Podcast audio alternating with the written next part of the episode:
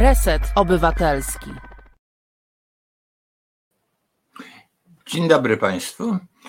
Dzisiaj będziemy mówić o książce Co kryje się w naszych genach. Pokazuję książkę z podtytułem Największa łamigłówka ludzkości. Autorką tej książki jest profesor Ewa Bartnik i to jest właśnie ta osoba tutaj obok mnie.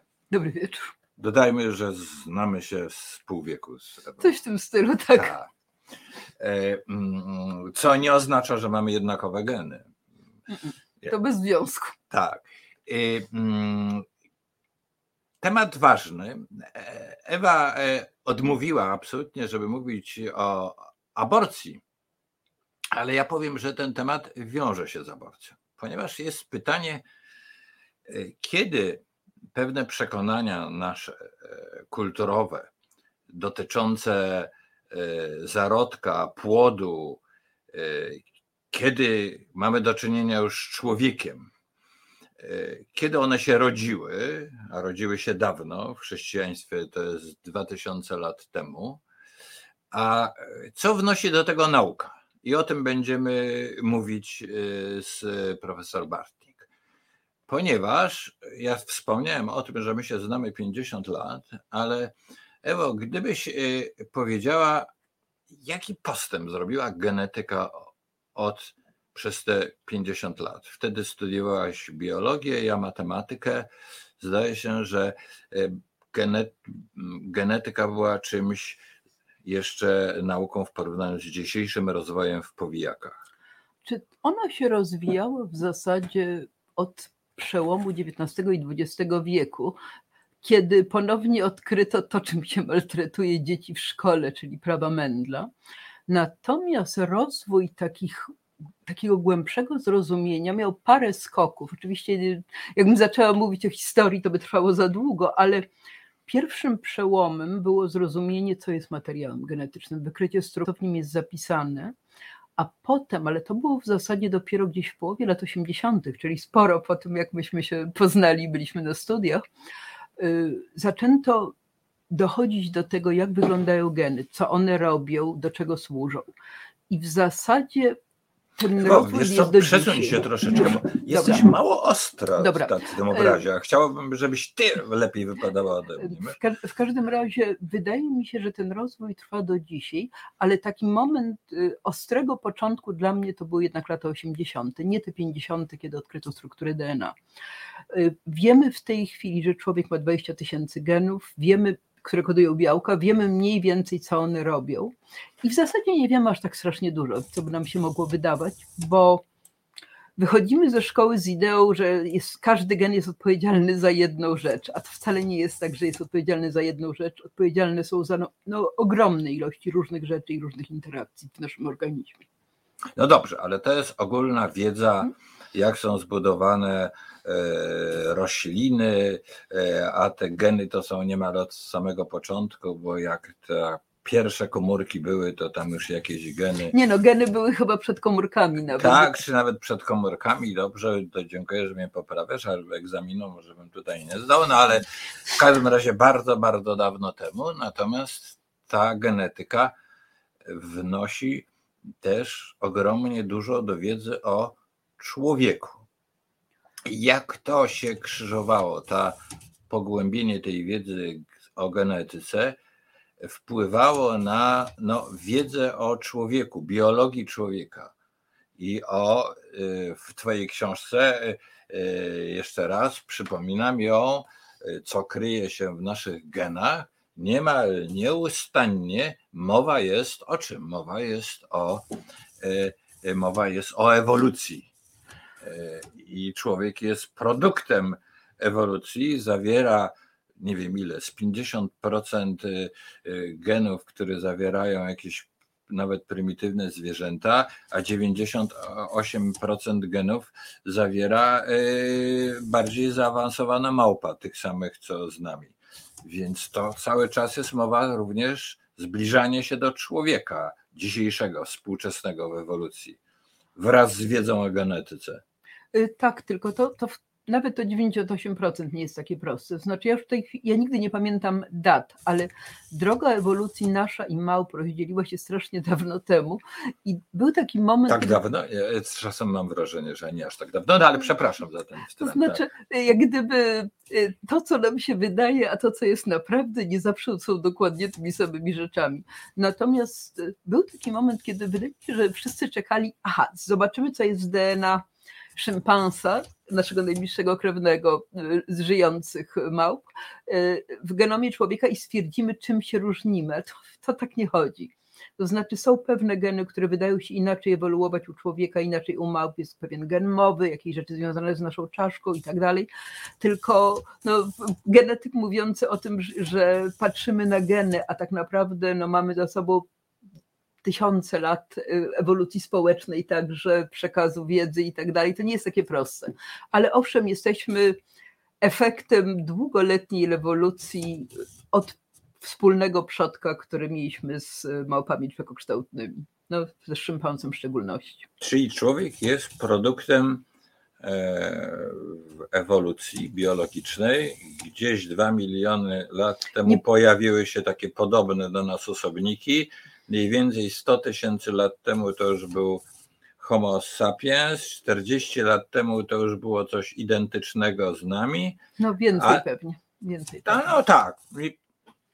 No a teraz y, dalej jest ewolucja związana z kulturą. Słuchaj, ale tam się przewija też wszędzie w tych książkach. Tą książkę może zaraz y, pokażę, y, pokażę Państwu u tych kognitywistów taka pytanie o epigenetykę. Możesz kilka słów na mogę, ten temat mogę, powiedzieć? My, my jej do końca nie lubimy. To znaczy epigenetyka to jest coś takiego, zmiany, które zachodzą, ale nie w sekwencji naszego materiału genetycznego, tylko albo w białkach, które są związane z nim, tworząc, z naszym DNA, tworząc chromatynę, albo są to modyfikacje DNA, które nie zmieniają tego, co ono koduje, ale mogą zmieniać, które geny ulegają ekspresji. Ale problem polega na tym, że się to strasznie naciąga. Co pewien czas pojawiają się jakieś trąbienia o tym, jak się dziedziczy traumy z pokolenia na pokolenie, to nie ma żadnych dowodów na to. Są pewne udokumentowane przypadki. Dla mnie takim najciekawszym może jest y, przekazywane chyba przez przynajmniej dwa pokolenia w tej chwili efekty y, zimy głodowej w Holandii. Chyba to był 1944 rok. Niemcy nie dopuszczali y, żywności do pewnej części pokarmu i dzieci, które rodziły się w wyniku ciąż wtedy, miały niezmienione DNA, ale miały zdecydowanie zmienione no, ekspresję różnych genów, podatność na pewne choroby i wygląda na to, że to poszło jeszcze dalej na jedno pokolenie. I są jakieś dowody u szczurów, że coś tam, jak się boją jakiegoś, jak kojarzą źle jakiś zapach, to potem coś tam jest też w następnym pokoleniu. Są też różne cuda dotyczące potomstwa mężczyzn, którzy, nie wiem, coś tam było w Norwegii i tak dalej, ale to jest, dla mnie to jest dużo trąbienia a efektów i prawdziwych przyczyn nie ma dużo. Także genetycy nie przypadają za epigenetyką. Pokażę Państwu też tą książkę, o której wspomniałem, od bakterii do Bacha, o ewolucji umysłów, prawda? gdzie pojęcie ewolucji jest uogólnione. Najpierw jest biologiczna, a później jest ta e, kulturowa. No ja, Ale, ja o tak. kulturowej mówię moim studentom, kiedy mówię o czymś, co Wszyscy kiedyś widzieli wspaniałą rzeźbę Romulus i Remus sący mleko od wilczycy. Tylko ja jestem głęboko przekonana, że gdyby to była prawda, i to powtarzam już wielu pokoleniom studentów, to zamiast założyć rzęby, biegali po lesie i polowali na zające. To jest dla mnie bardzo ważna kulturowa, że tak powiem. Znaczy, to się łatwo zapamiętuje, jak coś takiego się powie. Y, kult musimy pamiętać o jednej rzeczy a są przypadki powiedzmy ludzi, którzy no nie wiem, trochę jak, jak ala Romulus i Remus zginęli, gdzieś tam oddzieleni, byli oddzieleni od rodziny.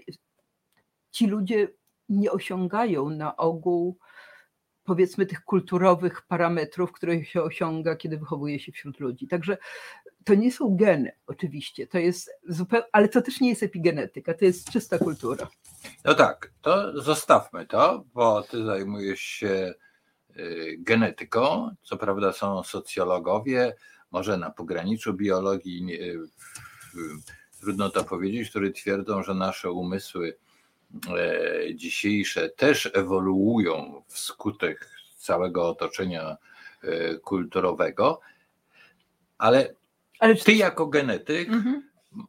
też zajmujesz się do jakimś stopniu pytaniem, kiedy, czy możesz do tego wnieść, może nie znając ostatecznych odpowiedzi, takich, które by wszystkich przekonywały, kiedy zaczyna się człowiek?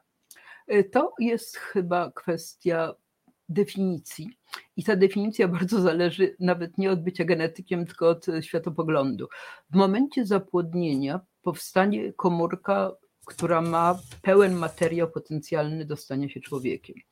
Ale w którym momencie staje się człowiekiem. Ja kiedyś słyszałam w, w, UNESCO wykłady dotyczące właśnie tego, jak widzą to różne religie, i to nie będę wnikać. Natomiast no, dla mnie zapłodniona komórka jajowa raczej nie jest człowiekiem. Natomiast w którym momencie nim jest. Ja kiedyś byłam w radio, nie w telewizji z jezuitą i zadano mi to pytanie, i on powiedział, że to nie jest pytanie dla biologa. To jest pytanie dla jezuity, którym nie jestem. Y, wracając do tego, wydaje mi się, że coraz bardziej staje się człowiekiem. Znaczy, najpierw jest komórka, potem dwie, osiem i tak dalej. W którymś momencie rozpoczyna się układ nerwowy, w którymś momencie to zaczyna być człowiekokształtne. Natomiast ja nie powiem, w którym momencie to jest człowiek. No.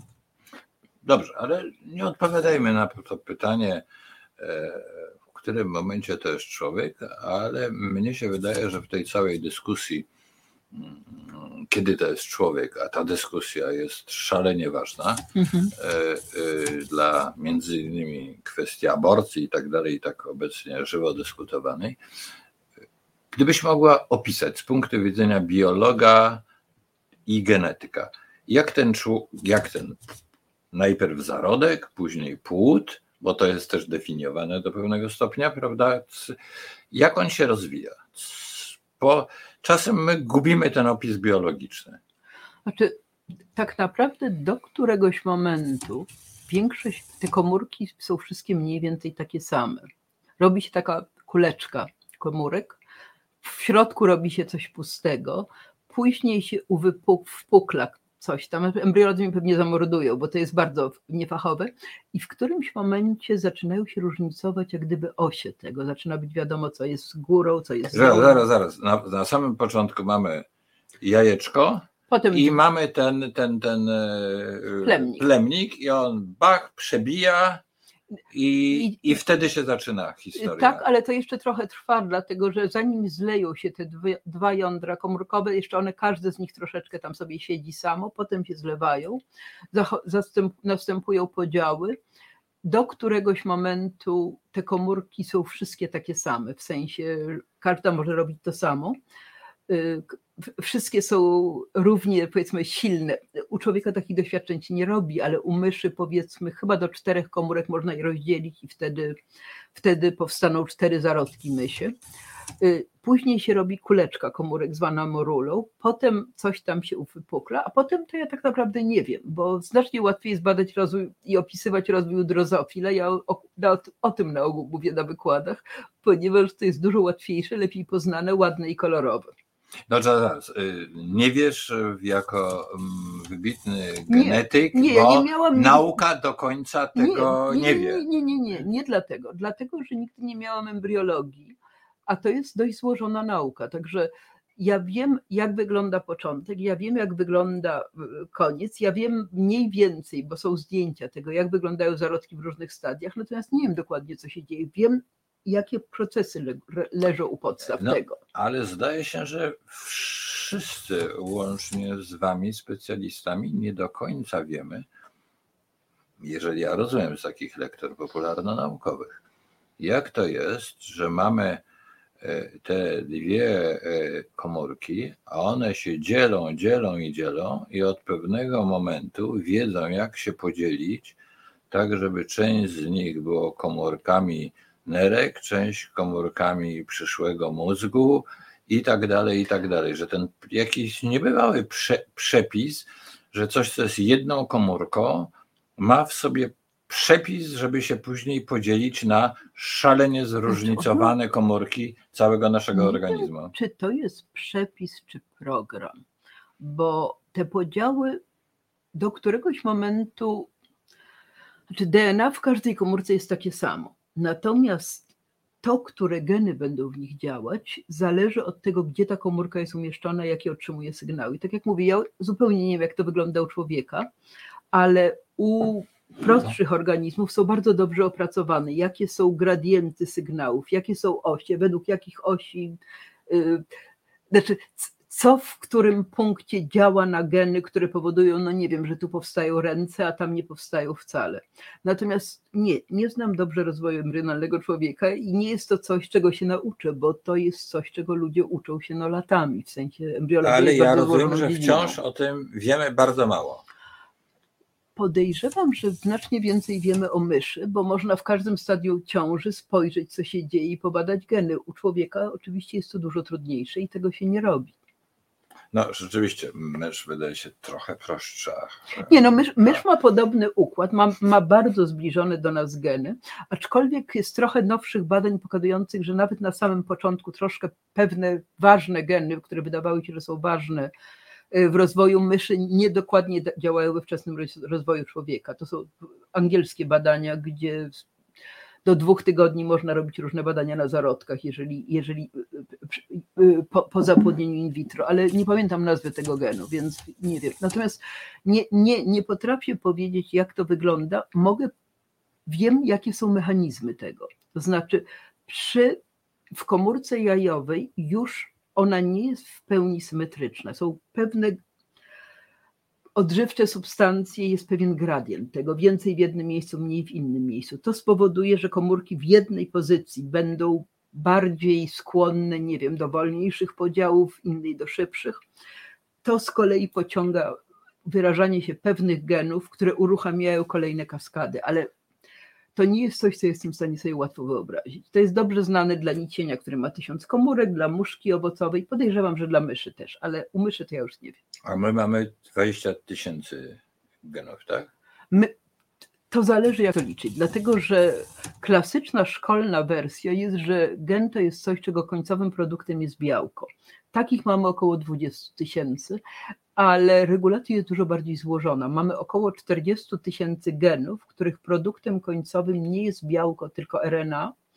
I te RNA pełnią bardzo różne ważne role i przy syntezie białek w komórce, i przy regulacji działania genów. Także to o RNA jeszcze pogadamy, bo to jest bardzo ważne w w, w kontekście antyszczepionkowców, prawda? Y, to jest tak. bardzo ważne w kontekście antyszczepionkowców, bo jed, te, te, najbardziej nowatorskie szczepionki są oparte o RNA. Tak? To nam później to jeszcze wytłumaczysz, ale jedno sam powiedziałeś, użyłaś słowa kaskada, że coś się tam kaskadowo robi.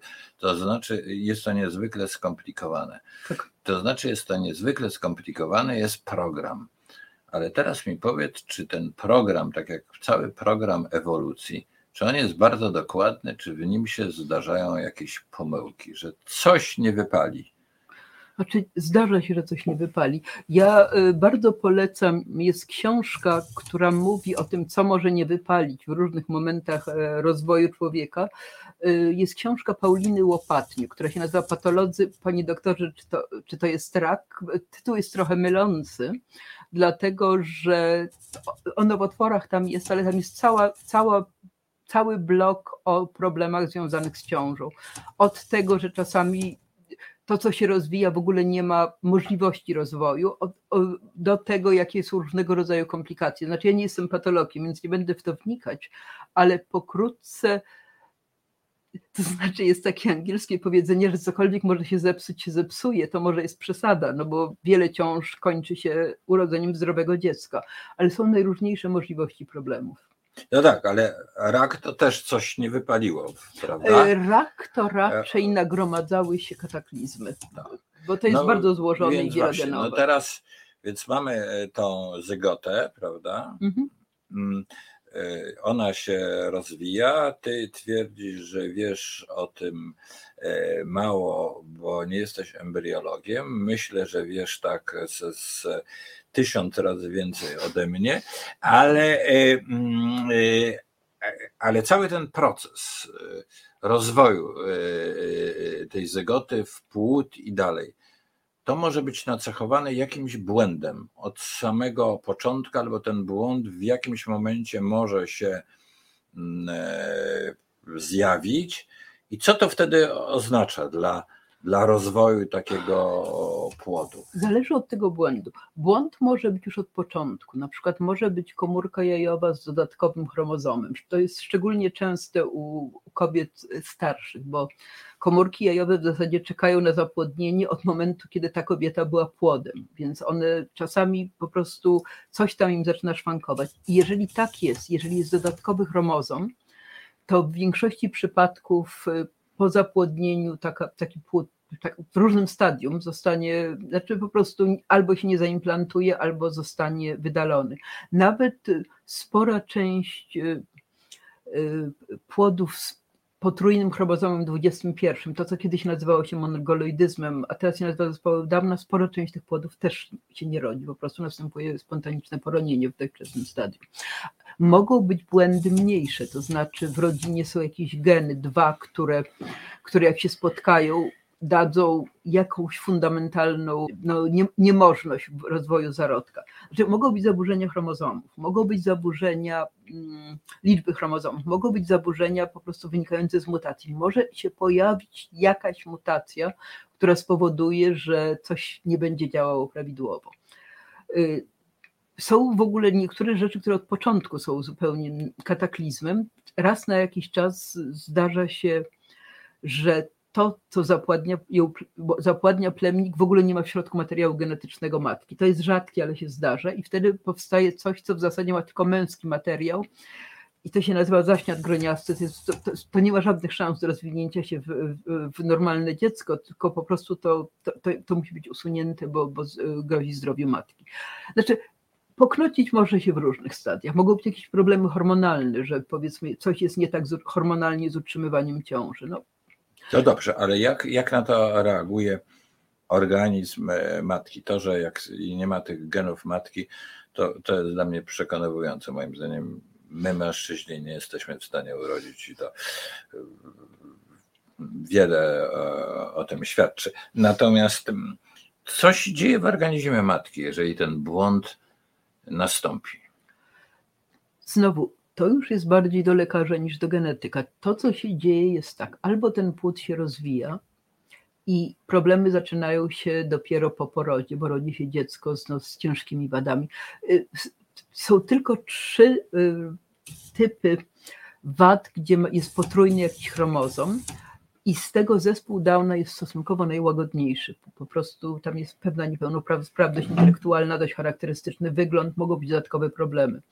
Ale chromozom jak są trzy wersje chromozomu 13 i chromozomu 18, to jest tak okropne, że ja nie pokazuję zdjęć na wykładach, bo ja po prostu sama nie mam ochoty ich oglądać. Po, po prostu wygląda to strasznie i większość tych dzieci. Ja nie, nie chcę, żebyś za daleko się posunęła w, w opisie tego, ale, ale, co to znaczy wyglądają strasznie? To znaczy, jakiego typu, że tak powiem, do... zniekształcenia, czy. Nie wiem. Y, ja naprawdę nie pamiętam tych zdjęć, bo nie chcę ich oglądać, ale po prostu są zaburzenia, znaczy niepełnosprawność intelektualna, różnego rodzaju zaburzenia inne i to wygląda dość okropnie. No, jak mówię, nie oglądałam tych zdjęć już od lat, bo źle wyglądają. Natomiast zdarzają się też y, dzieci, które się rodzą w miarę zdrowe, po czym dopiero się okazuje, że są jakieś zaburzenia. Z tym, że w tej chwili rzeczy dotyczące pojedynczych genów, ja, ja nie twierdzę, że terapia genowa czyni cuda, ale zaczyna czynić coraz więcej cudów, aczkolwiek te cuda kosztują miliony euro i dolarów. Są, są możliwości leczenia całego szeregu chorób genetycznych, ale koszt jednostkowy jest milion albo euro, albo dolarów, więc, więc pojedyncze geny może kiedyś zwalczymy, natomiast nie wydaje mi się, że kiedykolwiek uda się cokolwiek zrobić z nadmiarowymi chromozomami. No dobrze, ale powiedziałaś to, że jest, zdarza się ten błąd, to jest błąd, którego, który analizuje genetyk też, prawda? Bardzo często. I, mm, no i organizm jest poronienie. To jest jedna z reakcji. Jedna z reakcji I może kiedy być. się to zdarza? W jakim okresie nie, ciąży nie, się to? Nie, ja naprawdę nie jestem lekarzem, ja jestem genetykiem. Nie wiem, w jakim okresie ciąży to się zdarza. No dobrze, ale w, dochodzi do poronienia. Dlaczego w takim razie? Nie wiem. Znowu, dlaczego dochodzi do poronienia? Trudno powiedzieć. Może być jakaś kwestia, że organizm matki rozpoznaje niezdolny, że płód po prostu obumiera i albo jest wydalany we wczesnym stadium, albo jest usuwany, jeżeli to jest późniejsze stadium, bo to nie zawsze samo. Znaczy, wydaje mi się, że wczesne poronienia są samoistne, później czasami trzeba po prostu usunąć resztki po, po, po, po martwej ciąży ale nie zostanę lekarzem na potrzeby te, tej audycji, więc nie odpowiem na pytania, na które nie jestem. Nie, nie, ja cię pytam tylko jako, jak, jako nie, nie mm, genetyka. Nie, nie wiem, nie E, wiem. w Wiem, że, sensie- ale nie wiem jak. W tym sensie, że nasze wyobrażenie, może dosyć powszechne, jest takie, że jest to wszystko w ewolucji bardzo dobrze zaprojektowane. I- Ciąża u, u kobiet chyba jest źle zaprojektowana. O, Mamy za małe miednice i no, zwierzęta naprawdę nie wymagają szpitala, żeby urodzić dziecko. no tak. y, mm, y, Tutaj mamy takie pytanie. Widzę. Y, y, Słyszałem o tym, że są tacy ludzie, którzy posiadają boski gen. Ten gen sprawia, że ci ludzie są bardziej skłonni do mistycznych przekonań. Ja Jak byś się do tego odniosła? znaczy niechętnie, ale głównie z jednego powodu. Nasze zachowania nie są na ogół, chyba że chodzi o jakieś zupełne patologie. To znaczy, mutacja w jednym genie może spowodować totalny kataklizm, typu, że ktoś nie będzie w stanie, nie wiem, oddychać, y, produkować jakiejś niezbędnej substancji, będzie miał kłopoty ze skórą, z kośćmi i tak. Natomiast większość rzeczy dotyczących zachowania to nie są rzeczy pojedyncze. To znaczy nie ma genu mistycyzmu, nie ma genu inteligencji. Y, Inteligencja zależy od bardzo, bardzo wielu genów. Także nie bardzo sobie to wyobrażam. Myślę, że to jest raczej wpływ. Mogą być jakieś predyspozycje osobowości, które, które bardziej się gdyby zafascynują sprawami mistycznymi, ale jak to będzie jeden gen, to ja, że tak powiem, zawieszam na, na, na haku bycie profesorem i idę medytować w pustyni. No bo mia, może byś miała ten gen mistycyzmu. Jego, którego- ja, go, ja go absolutnie nie mam. Więc y, mm, tutaj jest y, pan Strychalski, mówi, doskonale rozumiem panią profesor, trudno wypowiada się do, w kwestiach nie do końca znanych. No, No właśnie, ale na ile, na ile to jednak y, to bardzo dobre pytanie, znaczy, czy stwierdzenie. Y, Jako naukowiec jesteś bardzo ostrożna, y, nie chcesz się wypowiadać w kwestiach, no, którymi się jako naukowiec nie zajmujesz.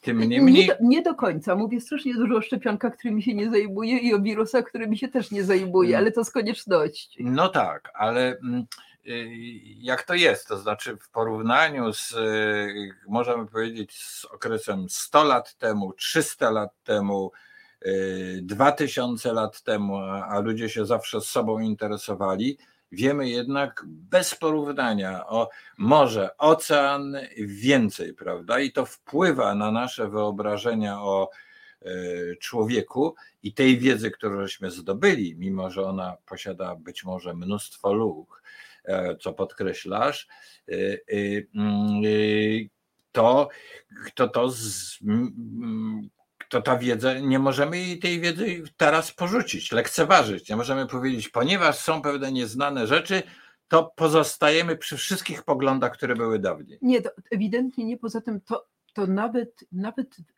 100 lat temu nie tego, co wiemy teraz. To znaczy ten rozwój nauki w 20, drugiej połowie XX wieku od, i, i teraz jest naprawdę nieprawdopodobny. To znaczy stare, to czego ja się uczyłam na studiach, które kończyłam w roku 71, nie przydało mi się dokładnie do niczego potem.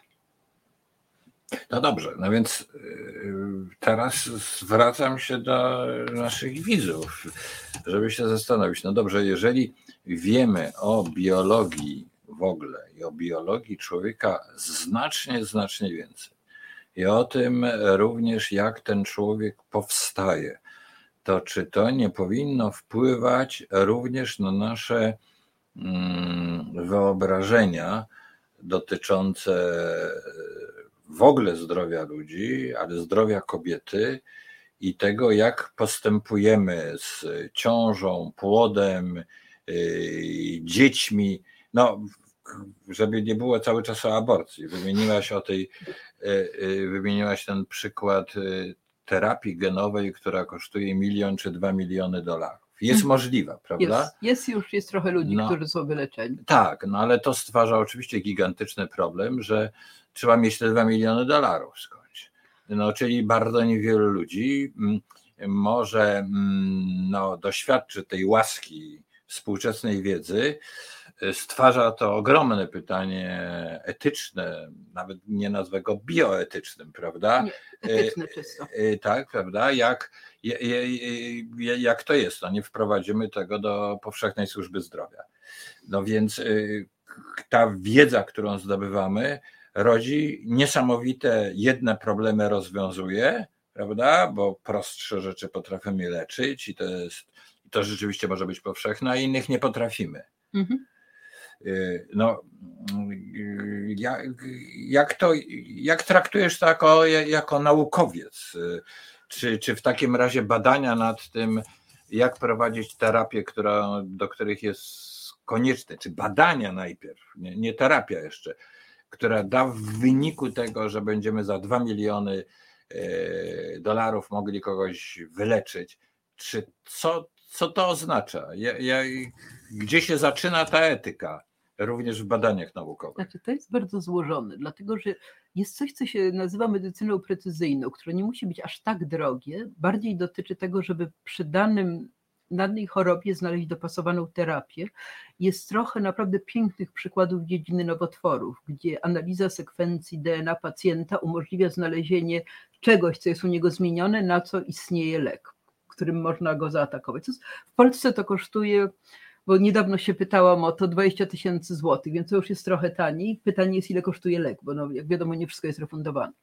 Ale jest, te rozważania etyczne no, są przed ładnych paru lat, bo czytałam pracę, nie pamiętam autora, który mówił, że trzeba pamiętać o jednej rzeczy, że tak naprawdę postęp zdrowotny całej ludzkości nie był związany z indywidualnym podejściem do terapii, tylko był związany z powszechną wodociągami, antybiotykami i szczepionkami. On wymieniał te trzy rzeczy jako taką podstawę uzdrowienia społeczeństwa, której absolutnie nie jest medycyną nakierowaną na osobę, tylko na społeczeństwo. Z drugiej strony, antybiotyki kiedyś były strasznie drogie i były kłopoty z ich produkcją.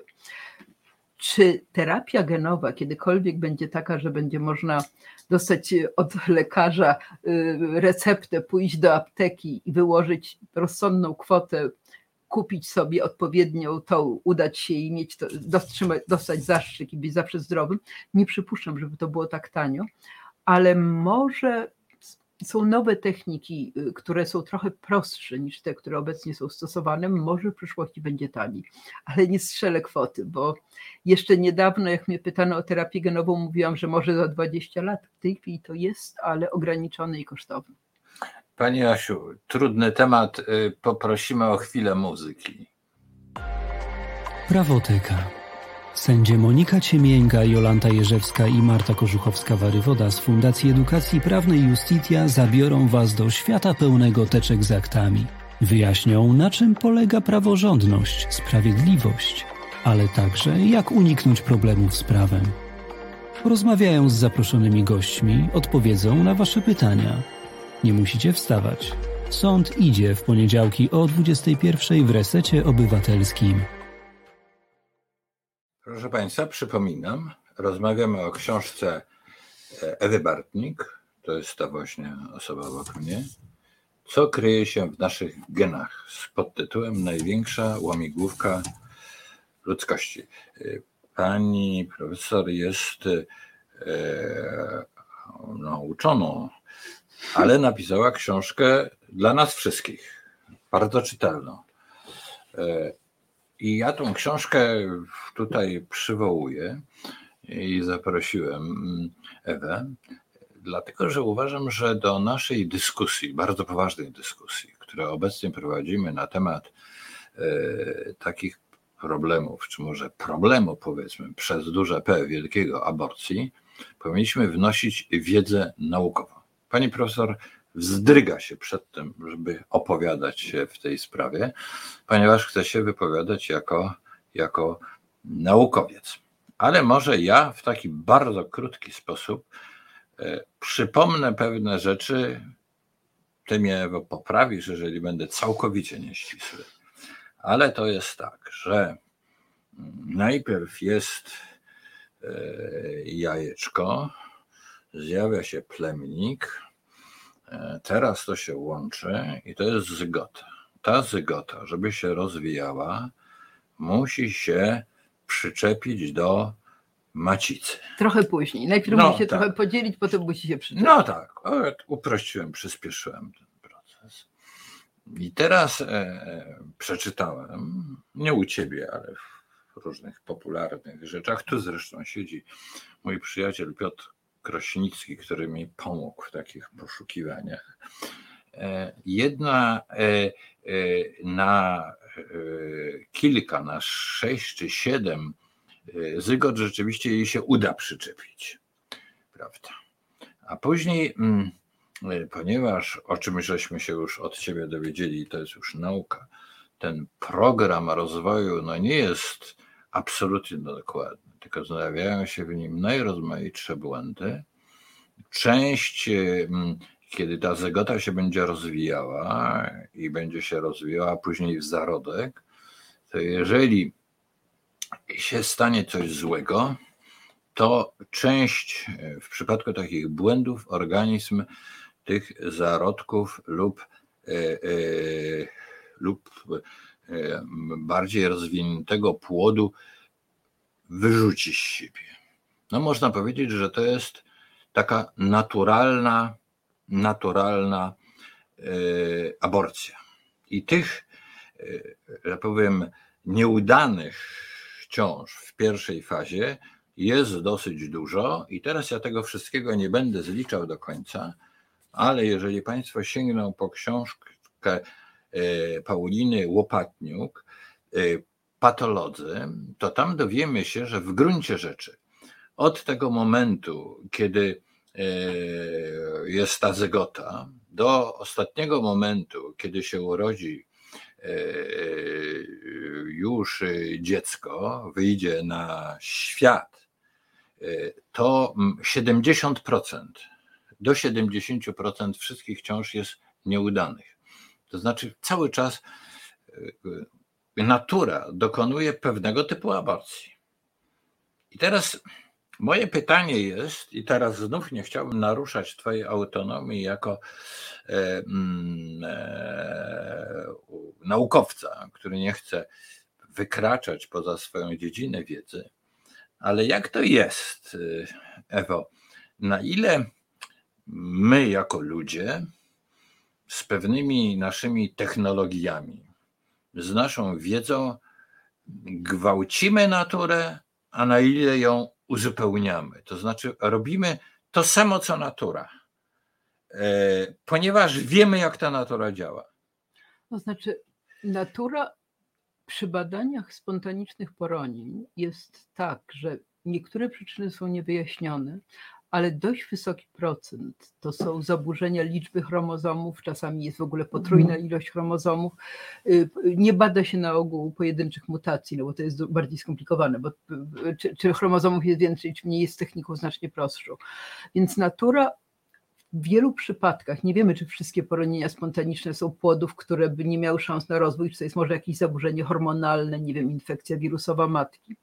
Natomiast y, ingerencja w formie aborcji może dotyczyć też płodów, które mają zaburzenia. I do y, zmiany ustawy, która była nie tak dawno temu, to y, wskazaniem do, do usuwania ciąży dopuszczalnym było coś, co się nazywało ciężkie nieodwracalne uszkodzenie płodu, którego genetycy celowo nie definiowali z dwóch powodów. Po pierwsze, co jest ciężkie, a co nie jest ciężkie, jest trochę trudne do określenia, a po drugie, bardzo nie chciano, żeby była lista chorób, przy których to jest dozwolone, bo zawsze może powstać trzy, trzy nowe choroby w ciągu, znaczy można wynaleźć nowe choroby w ciągu najbliższych kilku miesięcy.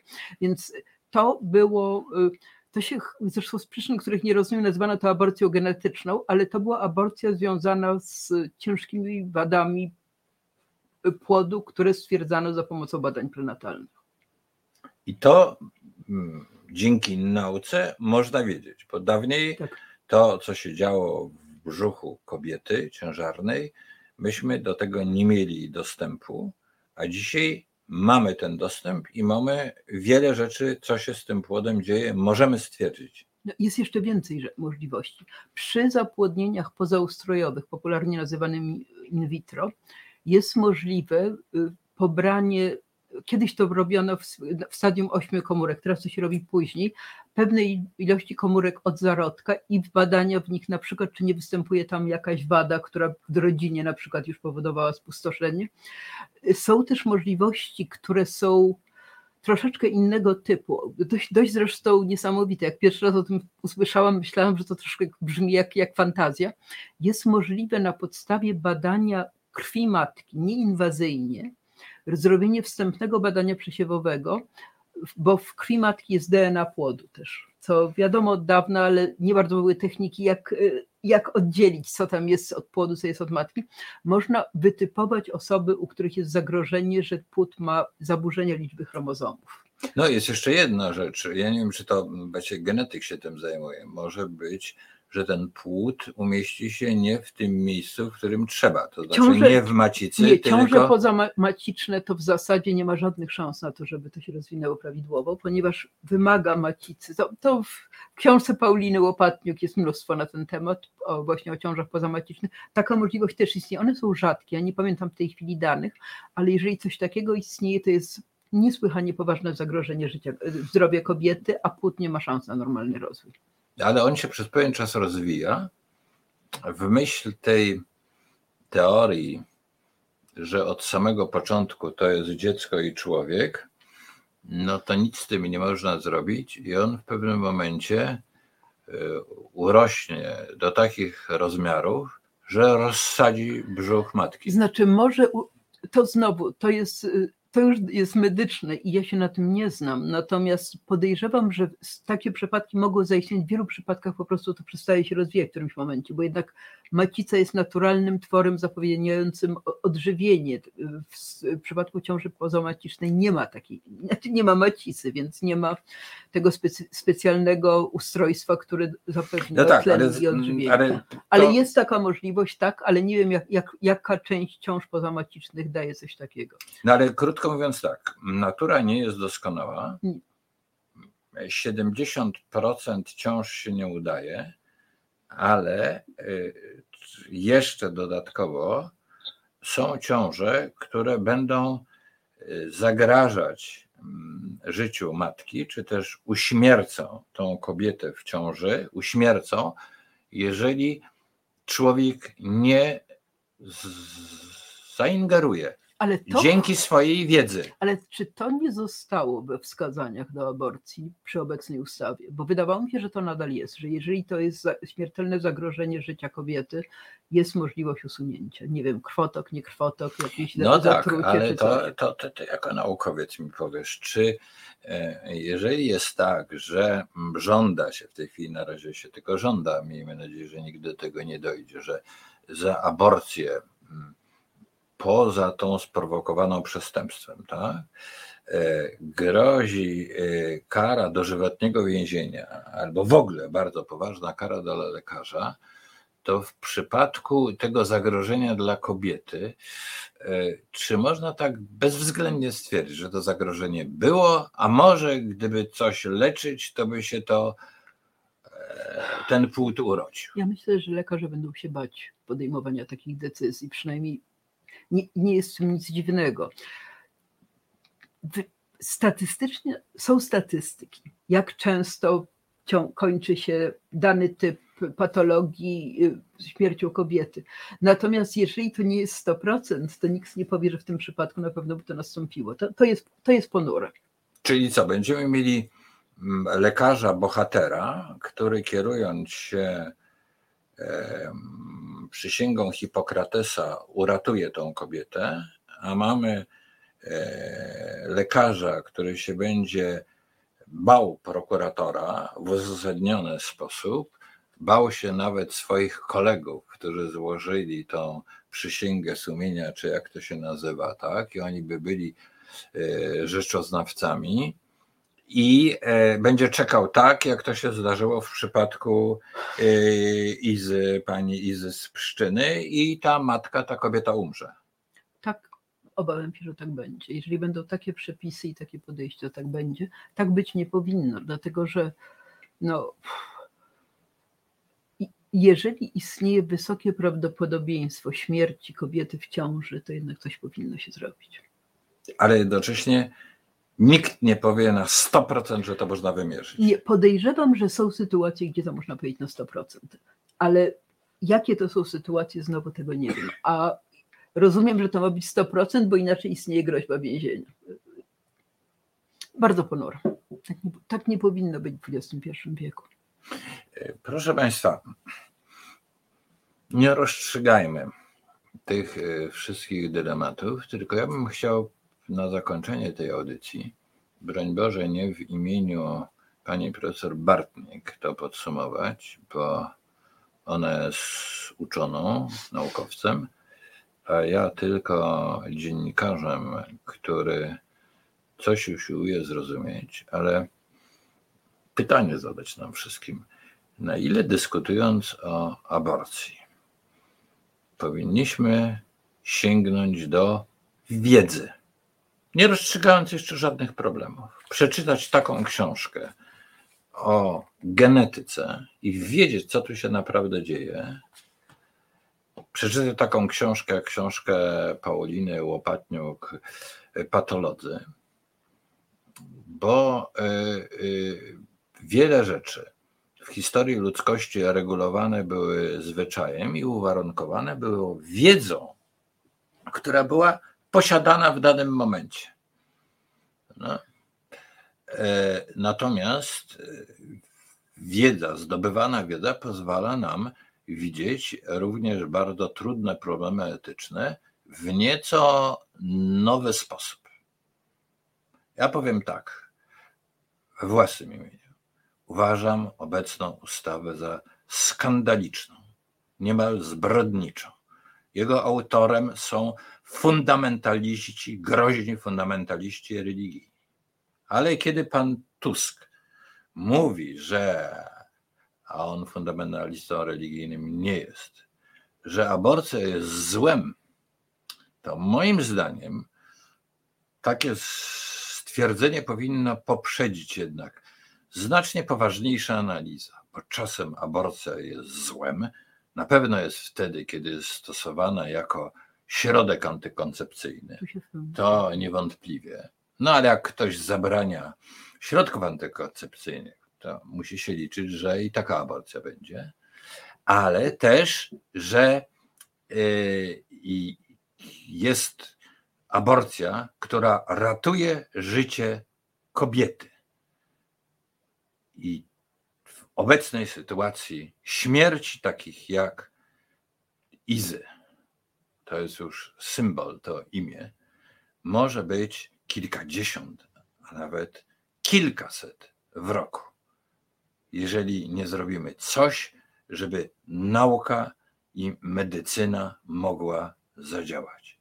Dziękuję Państwu bardzo, dziękuję Pani profesor i radzę lekturę tej książki, która nic o aborcji nie mówi, ale dostarcza nam wiedzy, poważnej wiedzy o tym, co się jest genetyka i co się z nami wszystkimi dzieje jako tworami biologicznymi.